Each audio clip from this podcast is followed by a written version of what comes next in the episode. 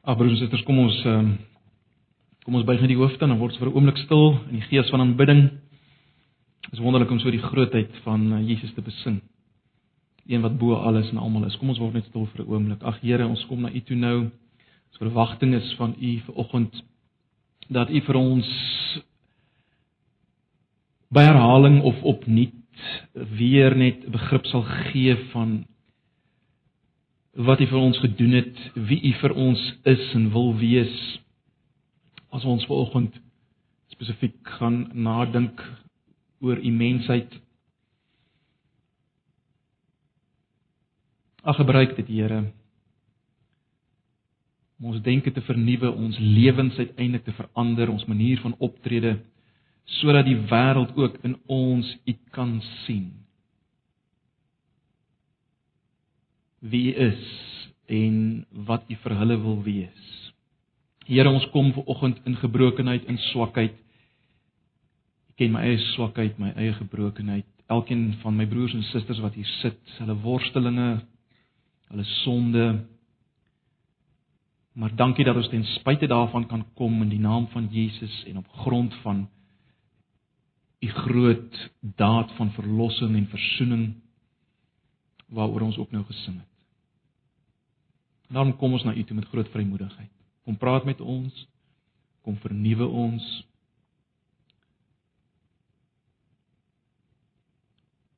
Gebruik ons soos U wil en bo alles sal U nie heerlike Here Jesus U self verheerlik nie. U self oplig. U self wonderlik aan ons voorstel nie. Asseblief. Ons vra dit in Jesus se naam. Amen.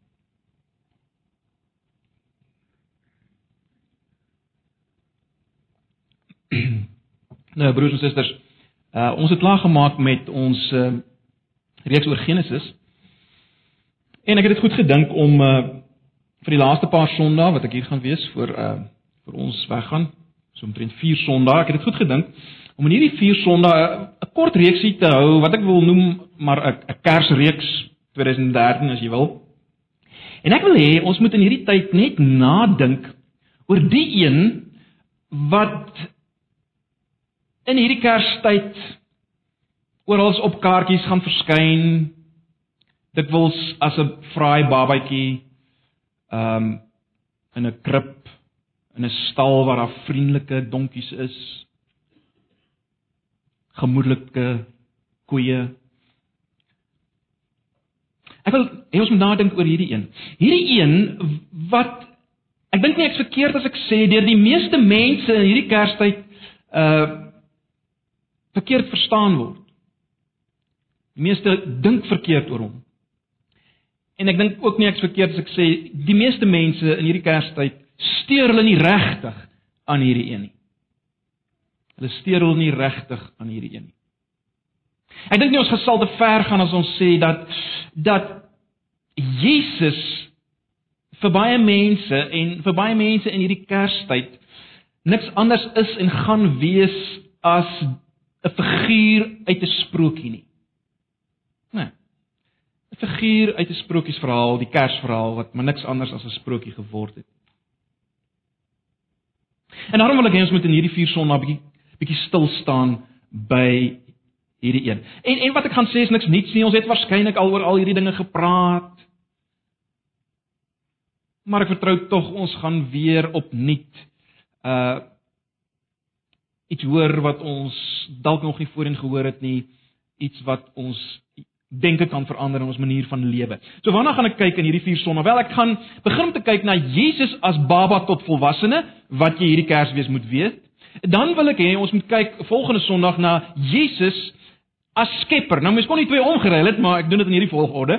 Dan wil ek hê ons moet kyk na Jesus as skepper wat jy hierdie Kerstyd moet weet. En en dan derdens en dit sal nou waarskynlik weet wees op ons afsluitings Sondag die eerste, wil ek hê ons moet kyk na Jesus as sterwende verlosser wat jy moet weet. En dan by die laaste geleentheid wat ek hier gaan wees, dink is hier rondom die 8ste, uh Jesus as Here en finale terugkerende koning wat jy hierdie Kerstyd moet weet. So dis waarna ek wil hê ons moet kyk. Dis waarna ek wil hê ons moet kyk. Dit gaan alles oor oor die een in die krib. onder hierdie verskillende hoofde. En ag broers en susters, my gebed is maar net vir julle en vir myself dat dat die ware Jesus in in hierdie Kerstyd, hierdie vakansietyd, 'n werklik weer 'n verskil sal maak in ons lewens. Nee, 'n werklike verskil sal maak. My gebed is dat dat jy in hierdie Kerstyd, soos jy beweeg en dinge sien en en kaartjies sien en kersbome en al hierdie goeters en uh mense wat vrolik is, dat jy hierdie boodskappe sal onthou hieraan sal dink en sal dink oor wie hierdie Jesus werklik is en waaroor dit werklik gaan. Nie net in die Kerstyd nie, maar maar in die lewe. Waaroor gaan dit werklik? My gebed is dat dit sal gebeur uh en dat dit die effek sal wees van hierdie paar boodskappe. Mag die Here ons daarmee help. Mag die Here ons daarmee help. Ek wil eers moet dan begin volgende te kyk na Jesus as baba. Waarskynlik niks niets nie, maar kom ons blaai net vinnig eers na Matteus. Ek weet ek, ek het net Lukas opgesit op julle op julle uh um programwerkie, maar kom ons lees net gou Matteus 1 vanaf vers 18. Uh Matteus 1 vanaf vers 18. Oorbekend.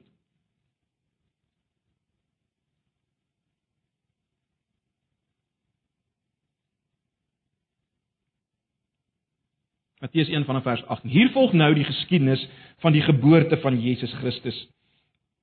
Toe sy moeder Maria aan Josef verloof was, nog voor hulle getroud was, het dit gebleik dat sy swanger is. Belangrik.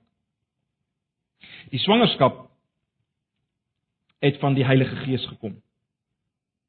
Haar verloofde Josef wat aan die wet van Moses getrou was, maar haar tog nie in openbaar tot skande wou maak nie, het hom voorgenem om die verloving stilweg te verbreek. Terwyl hy dit in gedagte gehad het, het daar 'n engel van die Here in 'n droom aan hom verskyn en gesê: "Josef, seun van Dawid, moenie bang wees om met Maria te trou nie, want wat in haar verwek is, kom van die Heilige Gees. Sy sal 'n seun in die wêreld bring en jy moet hom Jesus noem, want dit is hy wat sy volk van hulle sondes sal verlos." Kom ons bly net na Lukas. Lukas hoofstuk 2.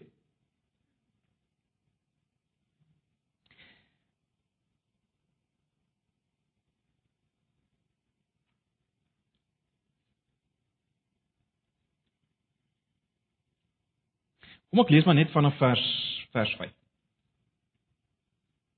Maria, sy verloofde, dis nou Josef se verloofde, wat swanger was, het saamgegaan om ingeskryf te word. Terwyl hulle daar was, het die tyd gekom dat sy haar dat haar kind gebore moes word. Sy het haar eersteling in die wêreld gebring. Nou die woord wat daar uh, in ons vertaling vertaal word in die wêreld gebring is maar weer die woord vir geboorte gee en uh, die uh, die Engelse vertalings vertaal dit met and she gave birth uh en hom in doeke toegedraai en in 'n krib neergelê omdat daar vir hulle geen plek in die herberg was nie. Nou net so te loop net interessantheidshalwe. Lukas is natuurlik die die die mediese dokter, né? En is hy wat spesifiek praat van die feit dat Maria geboorte gee, die mediese dokter. Hoe hoekom hoekom wil ek dit uitlig? Ag broers en susters, net omrede dit baie duidelik is dat Maria 'n uh, jong meisie 'n maagd swanger geword het Uh, en daarom die swangerskap was baie duidelik en dit word ook so gesê in Matteus 1, die swangerskap, die bevrugting as jy wil, die konsepsie as jy nou so wil stel, was 'n wonderwerk. Nee, dit was 'n wonderwerk. Dit was van die Heilige Gees gewerk.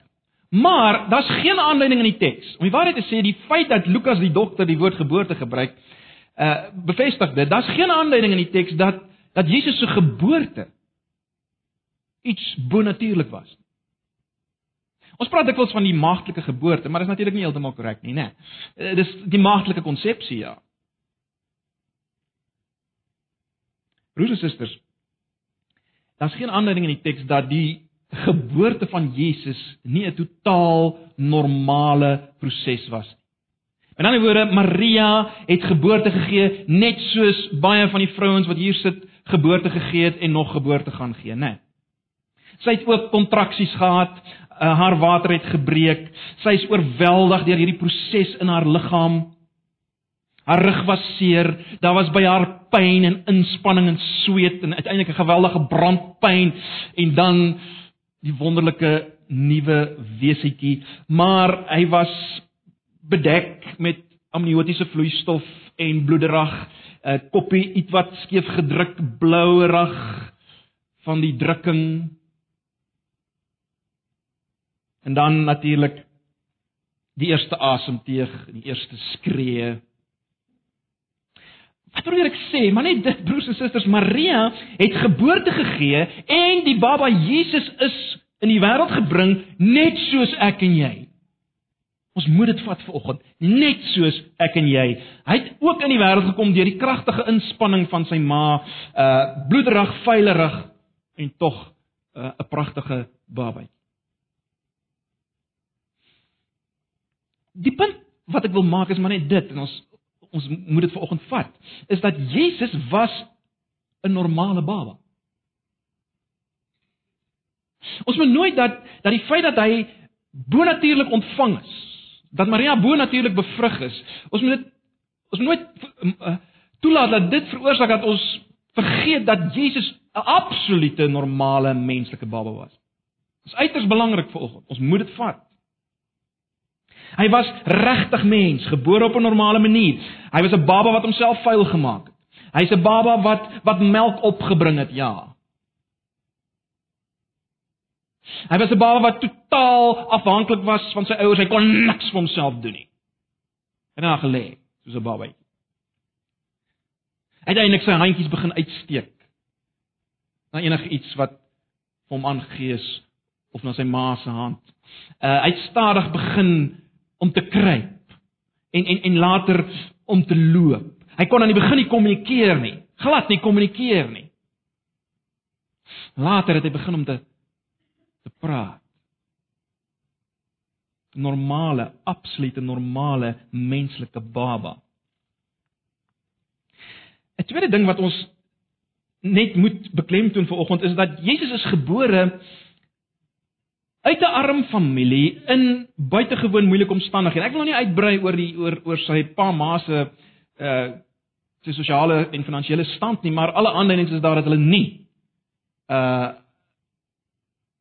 in die bo-gemiddelde klas van Jode van die tyd was, inteendeel. En hy's gebore in 'n stal en en 'n stal was 'n morsige plek. Dis die plek waar die diere gevreet het en al hulle dinge gedoen het. Dit was 'n vuil, morsige plek, 'n stal van daai tyd. Die stalle het nie gelyk soos op die kerskaartjies nie. Jy moet dit vat. Dis waar Jesus gebore is. Dis waar Jesus gebore is moeilike omstandighede.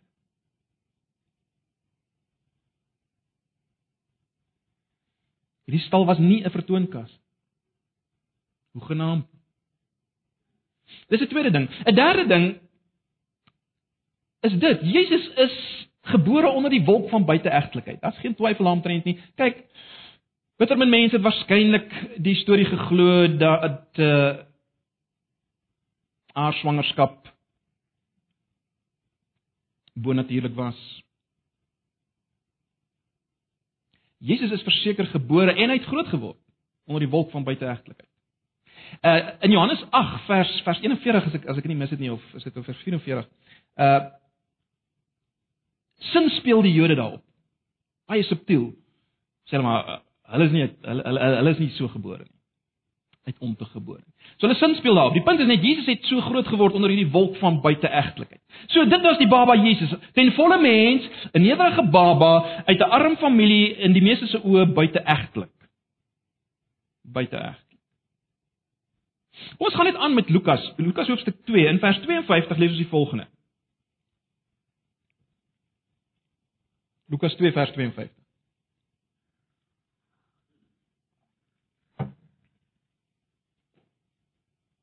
En Jesus het verstandelik en liggaamlik gegroei en in guns by God en die mense toegeneem. Wat sê dit vir ons en wat wil Lukas hê ons moet sien en wat wil die Heilige Gees hê ons moet sien? Wel, ons moet sien dat Jesus het opgegroei weer eens soos 'n normale mens en deur al die fases gegaan waardeur 'n normale mens gaan. Met ander woorde om dit nader aan ons te bring. Jesus het ook sy tone gestamp as kind. 'n Kind is mos geneig om sy tone te stamp teen enigiets. Jesus het ook sy tone gestamp. Jesus het waarskynlik ook parafisies gevang saam met sy maatjies. Hy het met die ander kinders gespeel. Jesus het ook puberteit bereik. Met ander woorde, hy het ook bewus geword dat sy liggaam verander, dat hy groot word. Da daarmee saam het hy al die normale drange en begeertes van 'n van 'n jong tienerseun beleef. Moet geen fout maak daaroor nie. Die enigste verskil met ons is natuurlik dit, hy was sonder sonde. Ek herinner herinner julle net weer aan Hebreërs. As julle wil kan julle so in die blaai Hebreërs uh, 2 vers 18, uh, die eerste gedeelte wat wat dit beklemtoon. Uh, daar sê die skrywer vir ons omdat hy dis Jesus self versoek is en gelei het, kan hy die help wat versoek word. En dan as ons aangaan in uh, in Hoofstuk 4 vers 15 lees ons die volgende Die hoofpriester en dis nou Jesus wat ons het, is nie een wat geen medelee met ons swakhede kan hê nie. Hy was immers in elke opsig net soos ons aan versoeking onderwerp maar hy het nie gesondag nie. En dan in die lig daarvan kom die oproep in vers 16 van Hebreërs 4. Kom ons gaan dan met vrymoedigheid na die genade troon sodat ons 'n barmhartigheid kan ontvang, genade kan ontvang. So Jesus absoluut 'n normale tienerseun, normale drang en begeertes verskil geen sonde nie. Let wel Jesus was geen leegleer tiener nie. Ons weet hy het houtwerk gedoen saam met sy pa. Hy het bekend gestaan as 'n uh, as 'n skrynwerker in Markus 6 vers 3 sien ons dit. Met ander woorde, Jesus weet alles daarvan om jou vinger raak te slaan en te wil gil van pyn. Hy weet daarvan. Jesus weet wat dit is om te sweet. Te sukkel met 'n stuk swaar hout, te sweet te bloei. Uh, Jesus weet wat dit is om 'n seer rug te hê. Julle wat uh, volgende hier sit met seer uh, Jesus weet wat dit is. Hy het waarskynlik seer rug gekry van heeldag staan en werk met swaar stukke hout. Hy hy weet iets daarvan. Hy weet wat dit is om te verskil met jou pa. As jy saam met jou pa houtwerk doen, gaan daar verskille kom. Jesus weet daarvan. Nou ons weet baie min van van Jesus se lewe. Uh in hierdie tyd uh, twee dinge word uitgelig uh, in in in Lukas 2 vers 41 as mens net aangaan lees mens dat hy uh, tydens die Paasfees Jerusalem toe gegaan het. En uh, dan in Lukas 4 vers 16 lees mens dat hy uh, dat hy op die Sabbatdag in die sinagoge ingegaan het. En dis dit. So vanaf die ouderdom 12 tot 30 en daai 18 jaar het hy twee dinge gedoen wat waarvan ons seker is. Dit is hy hy na die Paasfees gegaan eenmal 'n jaar en dan op die Sabbatdag na die sinagoge. Maar die res van die tyd hy waarskynlik maar net gewerk. Sy pa gehelp as skrynwerk.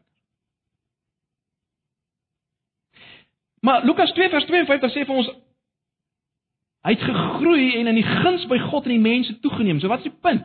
In hierdie tyd wat hy so gewerk het, het hy gegroei, toegeneem in guns by God en by die mense. As jy wil, het hy geestelik gegroei, die term wat ons gebruik. Hy het geestelik gegroei in hierdie tyd. En dit is belangrik.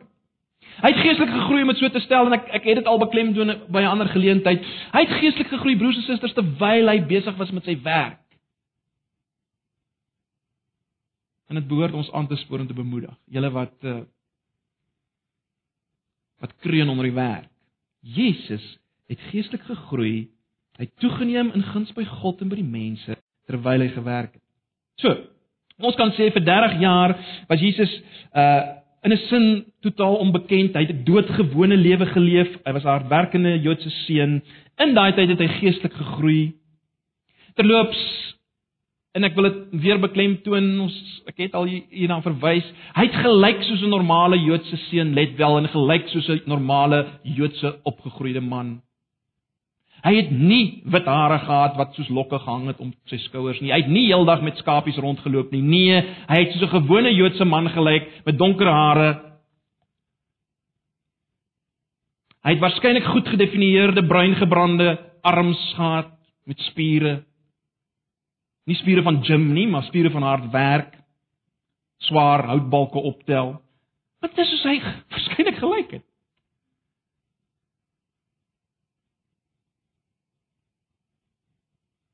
En ja, hy was lief vir wyn soos al die ander Joodse mans en mense van die tyd.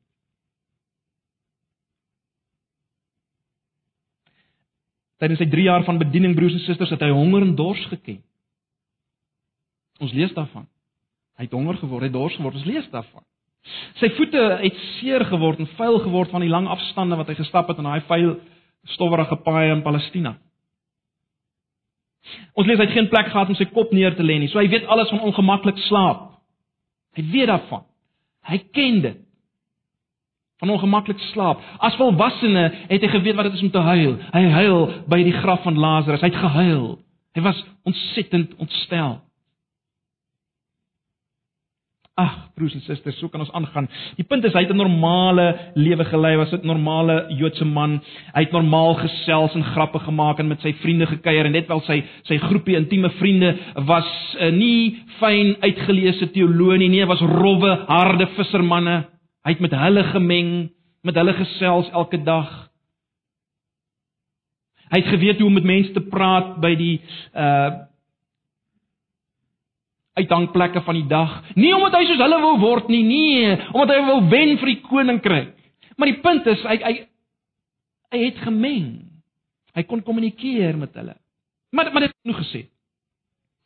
Jesus, die een wat volkomme God was, was volkomme mens soos ek en jy. En broers en susters, ons moet dit vat. En daarom is niks van mensheid vreemd vir hom of 'n verrassing vir hom nie. En uiteindelik word hy werklik as mens verlaat van God op Golgotha. Dis waar alles eindig. Sy menslike lewe. Op daardie punt wat hy verlaat word van God. Dis die pad wat Jesus stap, werklik mens. So ons moet dit vat. Maar nou baie belangrik, ek wil hê julle moet blaai na 'n baie bekende gedeelte. Ons almal ken dit, Filippense 2. Ek wil hê ons moet die vraag vra, maar wat het dit Jesus gekos? Dit waarvan ons nou lees. Absoluut normale mens, maar ons moenie 'n fout maak nie. Hy het dit nie heeltemal deurgegaan soos ek en jy nie. Dit het vir hom iets gekos. Dit het vir hom absoluut gekos en dis die groot verskil.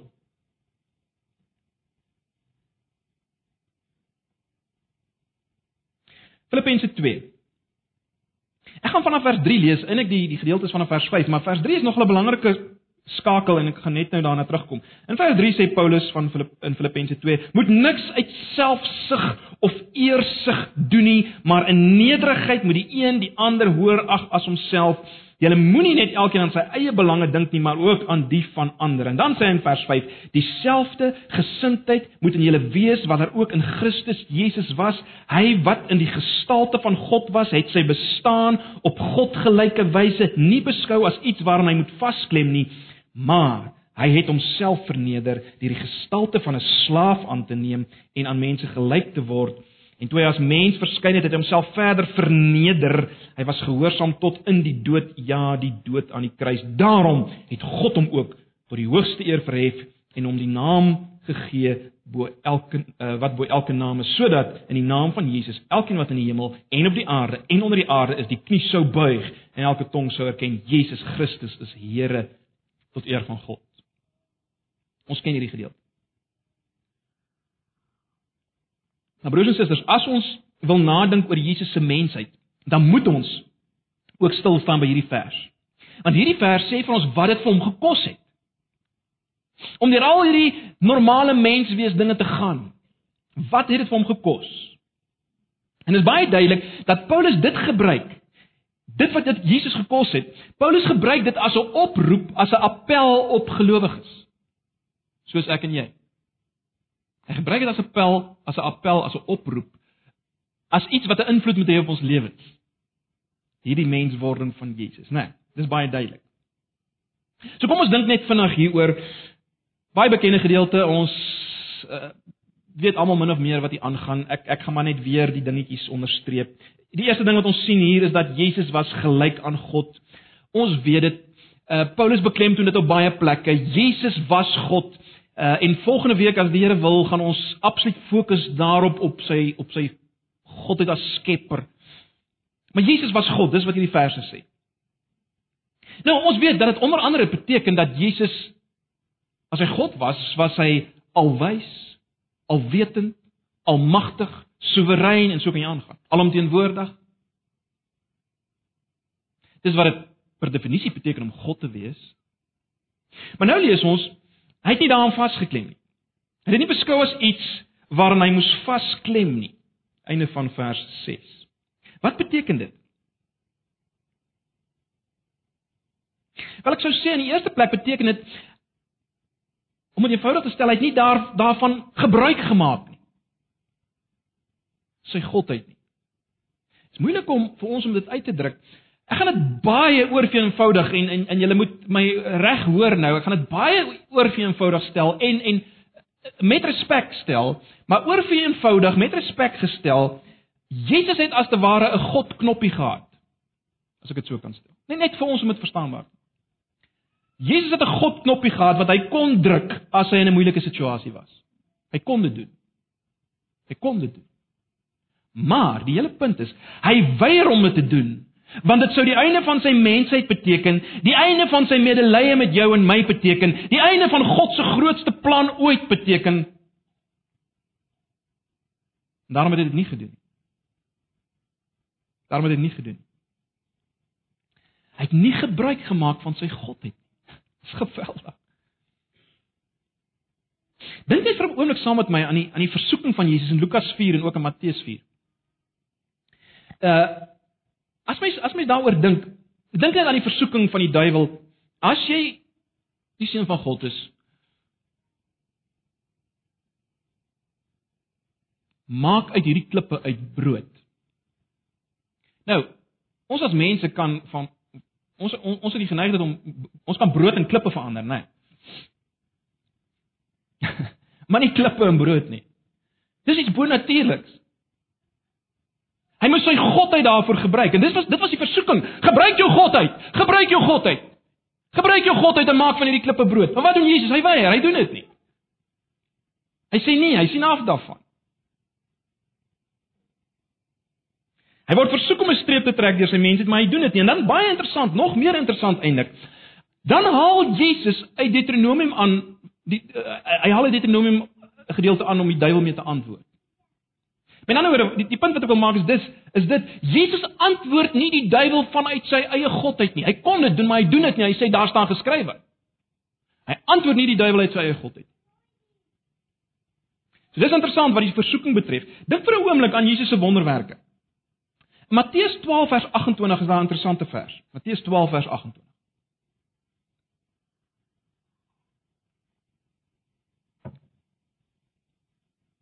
Jesus sê die volgende, hy sê Aangesien ek deur die gees van God die bose geeste uitdryf, het die koninkryk van God inderdaad by julle gekom. Wat wat wat sê dit vir ons? Selfs sy wonderwerke het Jesus nie op die basis van sy godheid gedoen nie. Hy het dit deur die krag van die Gees gedoen as ek deur die Gees duiwels uitdryf uit die koninkryk van God naby gekom. Met ander woorde, selfs sy wonderwerke het hy nie gedoen op die basis van sy godheid nie. Hy staan terug. Hy hy laat toe dat dit deur die Gees gedoen word. En broers en susters, ek dink wat ons hier sien uh by die versoeking en in Jesus se wonderwerke is belangrik om nou vers 5 te verstaan as as Paulus sê julle moet dieselfde gesindheid as Christus hê. Julle julle moet dieselfde gesindheid as Jesus hê dieselfde manier dink en optree as Jesus.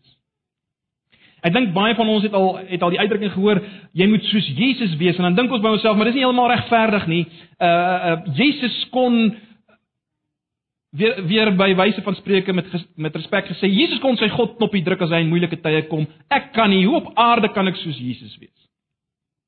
Wel, broers en susters, uh ek wil dit waag om te sê dat as Paulus in hierdie konteks waarin hy sê Jesus het nie vasgeklem aan sy godheid nie. As hy in hierdie konteks sê, julle moet dieselfde gesindheid as Jesus hê, dan wil hy onder andere sê, onder andere dat ons dieselfde twee bronne moet gebruik as wat Jesus gebruik het wanneer ons in moeilike tye is en in versoeking is, naamlik die geskrewe woord van God en die Heilige Gees. Met ander woorde, ook ons moenie vashou aan dit wat ons voel ons in onsself is nie. Goeie Christene, uh volwasse geestelikes, uh beleese mense of wat die geval mag wees, nee. As ons dieselfde gesindheid as Jesus wil hê, moet ons nie daarop staat maak nie, maar op die geskrewe woord van God en die krag van die Heilige Gees wat deur ons werk. As jy dieselfde gesindheid as Jesus wil hê, is dit onder andere wat dit beteken, daar's geen twyfel nie. En en en die groot ding vir oggend is dit. Ek dink julle sien raak hoekom ons dieselfde gesindheid kan hê. Hoekom kan ons dieselfde gesindheid hê? Broers en susters, omdat Jesus nie 90% goddelik was en 10% menslik nie. Nee nee, hy was 100% goddelik, maar ook 100% menslik. En daarom kan ons dieselfde gesindheid hê, want Jesus was 100% soos ons. 100% soos ons. En ek hoop ons het dit nou al gesien met dit wat ons aan die begin gesê het. Hy was absoluut soos ek en jy mens van baba af. En hy het hierdie twee bronne gebruik, die geskrewe woord van God en die kragtige Gees uit nie opgetree vanuit sy eie godheid vanuit dit wat hy was in homself. En en en iets daarvan wil Paulus hê ons moet verstaan as hy sê julle moet dieselfde gesindheid as Christus hê. Maar natuurlik is daar nog meer hier in Filippense 2 vers 5 tot 9 Om dieselfde gesindheid as Christus te hê beteken nog meer, né? Nee. Jesus het nie net nie aan sy godheid vasgehou nie. Ons lees hier hy het 'n slaaf geword. Hy het 'n slaaf geword. Nou slaaf in daardie tyd het die laagste sosiale status van almal gehad, né? Nee, absoluut. Hy het 'n slaaf geword. Dis die laagste sosiale vlak waarna toe jy kon daal om slaaf te word. En ek dink broers en susters dit sê vir ons dat net so net so terloop sê dit sê dit vir ons dat niemand is te laag vir Jesus om met hom of haar te identifiseer nie. En as ons nou Sondag die eerste van die Pretoria Wes mense hier gaan hê, onthou dit. Onthou dit. Onthou dit. Niemand is te laag vir Jesus om mee te identifiseer. Hy het homself uit is uit uit uit 'n slaaf geword. Nou net net interessantheidshalwe, as mens kyk na die die werkwoorde wat hier gebruik word, die die die die die hoof werkwoorde in die eerste helfte van hierdie gedeelte is aktiewe werkwoorde. Nie beskou, homself verneder, gestalte van 'n slaaf aan te neem, homself verder verneder. Hy was gehoorsaam tot in die dood. Uh, dis aktiewe werkwoorde. Uh Dan in die tweede helfte kry ons passiewe werkwoorde. Daarom het God hom verhoog. God gee hom 'n naam bo alle name. Broers en susters, wat sê dit alles vir ons? Dit sê vir ons dat om dieselfde gesindheid as Jesus te hê, lê veral hierin. Die betekenis daarvan lê veral hierin Jesus het homself verneder. Dis iets aktief wat hy gedoen het. Hy het dit gedoen. Hy het homself verneder. Dit het nie van self gekom nie. Dit het nie heeltemal van self gekom nie. Die wêreld buite ons wil vir ons sê dat uh nederigheid het te doen met 'n gevoel van lae selfwaarde. Nee, dis is eintlik 'n ou wat nie vreeslik goed dink oor homself nie. Maar dis natuurlik 'n leuen. In lig van hierdie gedeelte is dit 'n leuen, né? Dit het niks te doen met die gevoel van lae selfwaarde nie. Jesus As Jesus, kom ek stel dit so, as Jesus die model was vir nederigheid, dan dan het nederigheid niks te maak met die gevoel van lae selfwaarde nie. Hoekom nie? Want as daar een mens was wat rondgeloop op aarde met 'n uh, eh, met die regte selfbeeld, met uh, geen identiteitskrisis nie, dan was dit tog Jesus, nie waar nie? So, nederigheid niks daarmee te doen nie. Ag, hy's nou maar net 'n nederige ou, jy weet hy Want hy's nou nie veel nie, hy's nou maar nederig. Nee. Dis nie nederigheid. Hier sien ons nederigheid is daardie ingesteldheid van 'n absolute sterk persoon, daardie ingesteldheid om af te klim om ander te te dien. Dis wat Jesus doen. Terloops broers en susters, as jy wil weet wat is krag? Werklike krag, dan lê dit hier. Wie is die werklike sterk ou? Die werklike sterk ou is die ou wat almal kan pap druk rondom hom, maar hy doen dit nie. Dis krag.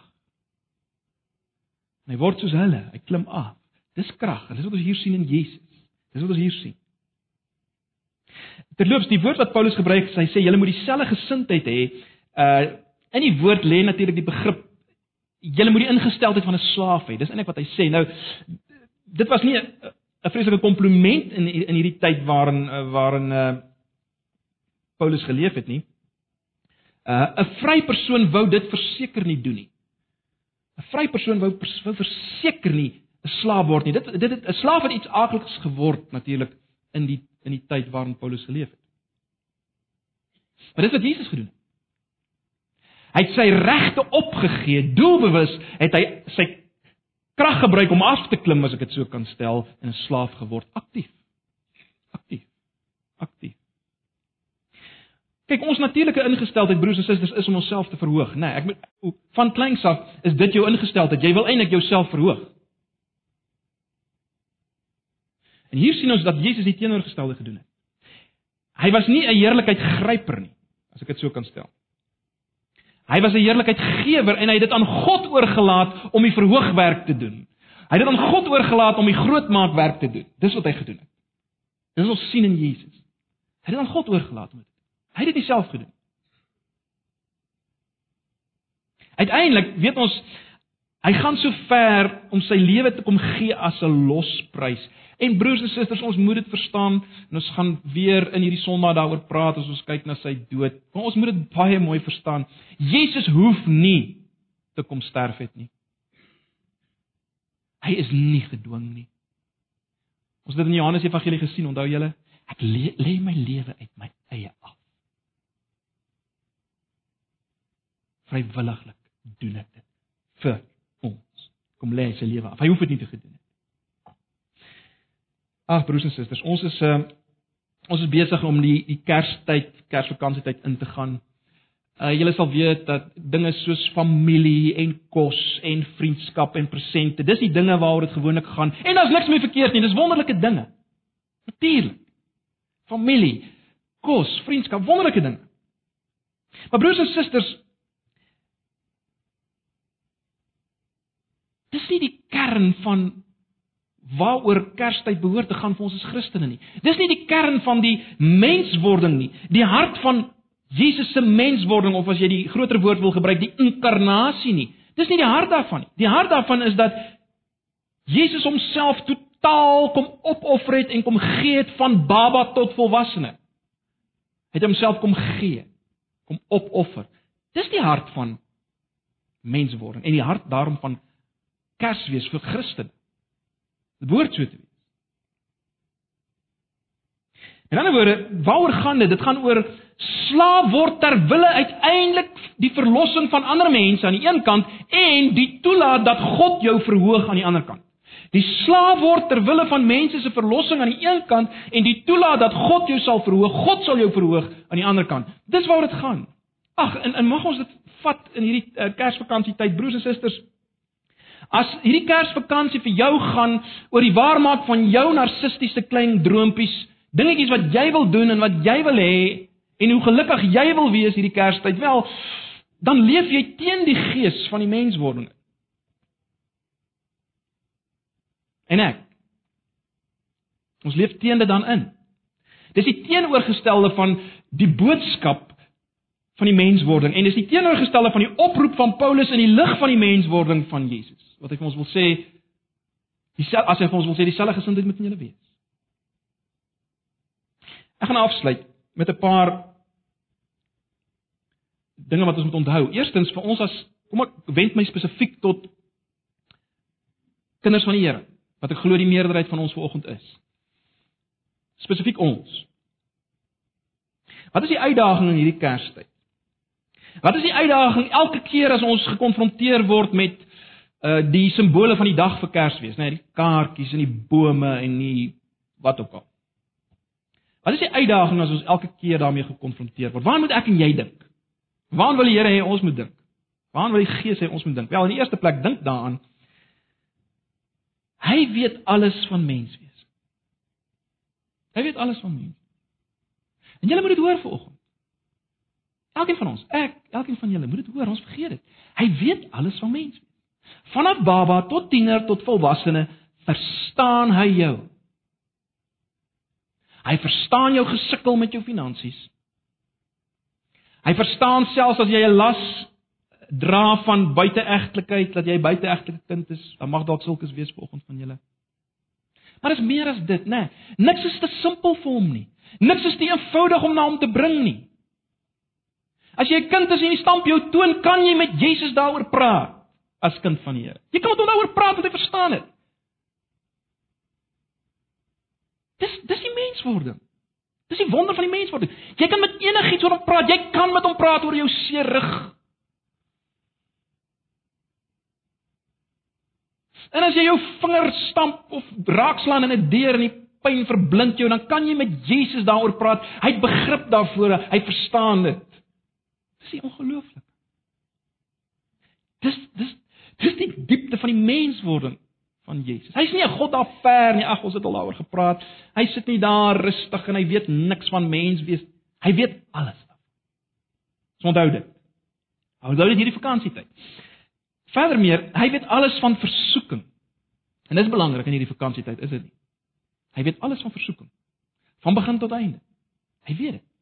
Hy weet wat wat dit is om te versoek te word. Maar vanoggend weet ons dat ek en jy het presies dit wat hy gehad het om versoeking te oorwin. En dis belangrik vir oggend. Ek en jy het presies dit wat hy gehad het om versoeking te oorwin, naamlik die geskrewe woord van God en die werking van die Heilige Gees. Hy het dit gehad, hy het daarmee versoeking oorwin. Ek en jy het dit in hierdie Kerstyd. En broers en susters, kom ons gebruik dit in hierdie Kerstyd, soos hy dit gebruik het. Moenie dink jy gaan in hierdie tyd staan teen versoekinge as as jy as gevolg van die verandering in rotine glad nie meer by die woord van die Here uitkom nie glad nie by gebed nie. Glad nie uitkom daarby dat jy jouself stel uh tot beskikking van die werking van die Gees nie. Dan gaan jy val vir versoeking. En ek wil hê as jy in hierdie Kerstyd vakansie hou en jy sien die tekens van Kersfees rondom jou, dink hieraan. Dink hieraan. Hy weet alles van versoeking. En laat dit jou dryf om soos hy versoeking teen te staan met die geskrewe woord en in afhanklikheid van die Heilige Gees. Laat dit laat toe dat dit jou so intoe dryf.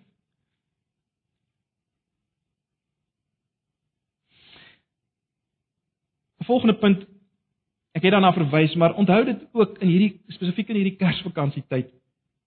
Jesus het geestelik gegroei terwyl hy gewerk het. Hoeveel te meer kan jy geestelik groei terwyl jy vakansie hou?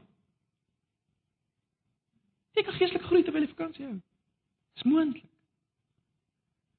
Dis moontlik. Jy kan geestelik groei terwyl jy werk. Dis 'n wonderlike ding en ons het al daaroor gepraat. Dis 'n wonderlike vertroosting vir ons as Christene. Jy kan geestelik groei al is jy so besig dat jy nie tyd kry om om die Bybel te lees. Kan jy geestelik groei? Dis moontlik. Maar dis 'n onderwerp se eie. Die punt is net hierdie vakansietyd, hoeveel te meer kan jy geestelik groei? Kyk na hom. Kyk na hom. En dan baie belangrik, die die die kern van alles As jy al hierdie dinge van Kersfees rondom jou sien, onthou wat is die kern van die menswording? Die aflê van homself om te dien. Dis wat Jesus kom doen het. En dis die uitdaging, is dit? Dis die uitdaging in hierdie Kerstyd, broers en susters, dis die uitdaging vir elkeen van ons om jouself neer te lê vir ander. Om jouself neer te lê in jou huwelik vir die ander een, al voel jy jy's reg en die ander een is verkeerd. Om jouself neer te lê vir jou broer en jou suster in jou gesin nou. Al voel jy die ander een is verkeerd. Om jouself neer te lê vir jou Christen broer en suster. Dink jy jy's reg en die ander een is verkeerd. Daardie gesindheid, dit moet ons dra in hierdie Kerstyd. Na buite, waar jy kontak het met met mense daar buite. Broers en susters, die die die hart van sending lê juis in die menswording van Jesus, né? Nee. Dis hoe Jesus se se sending na die aarde plaasvind en sy uitreik na die wêreld Hy het nie vasgehou aan wat hy kon vashou nie, dit laat gaan en geword soos die mense rondom ons of rondom hom om hulle te wen. En dis die hart van kerk wees en die hart van sending wees. Ons moet dit onthou ook in hierdie Kerstyd. Dis die uitdaging van die menswording van Jesus aan ons. Kom ek lees net weer vir julle Filippense 2 vanaf vers 3 waarmee Paulus begin. Dit dit moet by julle bly. Luister net weer daarna. moet niks uit selfsug of eersug doen nie, maar in nederigheid moet die een die ander hoër ag as homself. Wat sal nie gebeur as ons dit doen hierdie vakansie nie? In ons gesinne, in ons huwelike. Hierdie een wil dit doen en daai een wil dat doen. Dink daaraan. Moet niks uit selfsug of eersug doen nie, maar in nederigheid moet die een die ander hoër ag as homself. Julle moenie net elkeen aan sy eie belange dink nie, maar ook aan die van ander. Broers en susters, is dit nie die is dit nie waar al die gevegte onder ons vandaan kom? Al die rusies en al die verskille. Ons dink net aan ons eie belange. Eersig, selfsug. Die menswording van Jesus gil dit uit na ons toe. Dis nie hoe dit hoort by ons as kinders van die Here nie. Ons wat sê ons behoort aan hierdie Jesus. Ons wat sê ons is een met hierdie Jesus. Dit hoort nie daar nie. Selfsug, eersig, soek van eie belang, dit moet afgelê word. Ag, broers en susters, en ek preek dit nie vir julle nie, ek preek dit vir myself. Mag die Here ons daarmee daarmee help in hierdie vakansietyd. En ten diepste natuurlik dit gaan oor die gee van jouself sodat ander ook tot verlossing kan kom. Dis dis wat Jesus se mensheid ingehou het. Uiteindelik was dit vir die verlossing van mense en en en kom ons kom ons onthou daardie fokus in hierdie vakansietyd. Myself prys te gee sodat ander kan kom tot kennis van hom en tot verlossing. En onthou broers en susters, uiteindelik soos God Jesus verhoog het en 'n naam bo alle name gegee het, sal hy vir my en jou verhoog op 'n op 'n manier wat net hy weet maar hy sal jou verhoog. Dis God se manier van werk. Die wat hulle self prys gee, soos Jesus, hy verhoog hulle op sy manier, op sy tyd. Hou dan vas, hy sal jou verhoog. Dan sluit ek heeltemal af laastens, as hier mense is vanoggend wat hier sit wat wat nie aan Jesus behoort. Wat nie in hierdie oggend kinders van die Here is. Wat moet jy raak sien elke keer in hierdie Kerstyd. As jy as jy al hierdie Kerssimbole sien, waar moet jy dink? Jy moet jouself dit afvra. Vra hierdie vraag af. Hoekom het Jesus so ver gegaan?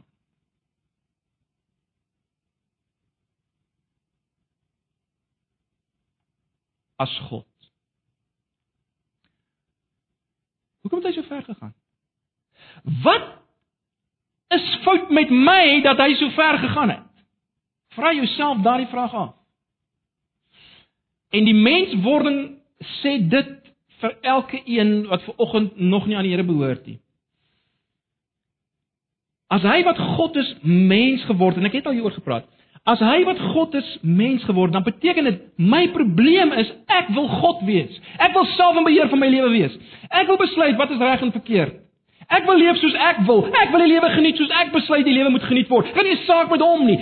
Dis hoekom God mens geword vir jou om jou daarvan te bevry. As hy wat die Here van alle Here is, 'n slaaf moes word, wat sê dit vir ons? Dit sê vir ons jy wat 'n dienskneg, dit waaroor ons verlede Sondag gepraat het, moes wees van God wat totaal en aan hom behoort, God se slaaf in die in die regte sin van die woord. Jou probleem is jy wil Here wees. Jy wil gedien word deur almal. Jy wil die middelpunt wees, die myn pinat in die pakkie wees. Alles draai om jou. Waarom? Sê vir jouself, vra jouself, waarom Kersfees? Waarom het God mens geword? Omdat ek wil Here wees. Ag. En my gebed is dat as jy dit bedink, dat jy sal besef waarmee jy besig is. Dat jy sal besef waarmee jy besig, want uiteindelik en dis waaroor ons die laaste Sondag gaan praat, uiteindelik gaan hy terugkom. Hierdie Jesus as koning en regter. Wat gaan jy dan vir hom sê? As jy in sy oë kyk. Wat gaan jy vir hom sê as jy kyk na sy hande en sy voete wat hy gedoen het sodat jy verlos kan word van jouself en jou selfgesentreerdheid. Ag, my gebed is as jy volgende iemand sit in daardie posisie, vlug na hierdie Jesus. En laat Kerstyd en al sy verkeerdheid jou daaraan herinner. Waarom het hy gekom? Dis my gebed. Ag, broers en susters, mag die Here hierdie boodskap gebruik en ek wil vra as daar iemand vanoggend is wat wat net na die tyd wil agterbly vir gebed, jy's welkom om hier te uh, kom sit. Uh, dan kan ons 'n gebed saam doen. Ehm uh, As jy jou lewe wil regmaak met die Here of as daar iets is waaroor jy wil hê ons moet bid, neem die vrymoedigheid. Moenie hierdie Kerstyd laat verbygaan sonder om gebruik te maak van die een waaroor dit eintlik gaan Jesus Christus die Here. Amen. Kom ons bid saam. Ag Here, baie dankie vir u self.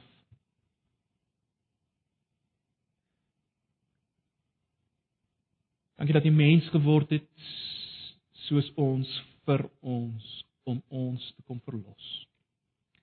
Te kom ons te kom verlos van onsself van ons grootheidswaan van sinlose lewens en ons te draai na lewens wat sin het en betekenis het wat draai om U, gefokus is op U. Dankie daarvoor. Ag Here, gebruik hierdie woord vanoggend soos U wil en verheerlik U self. Ons vra dit in Jesus se naam. Amen.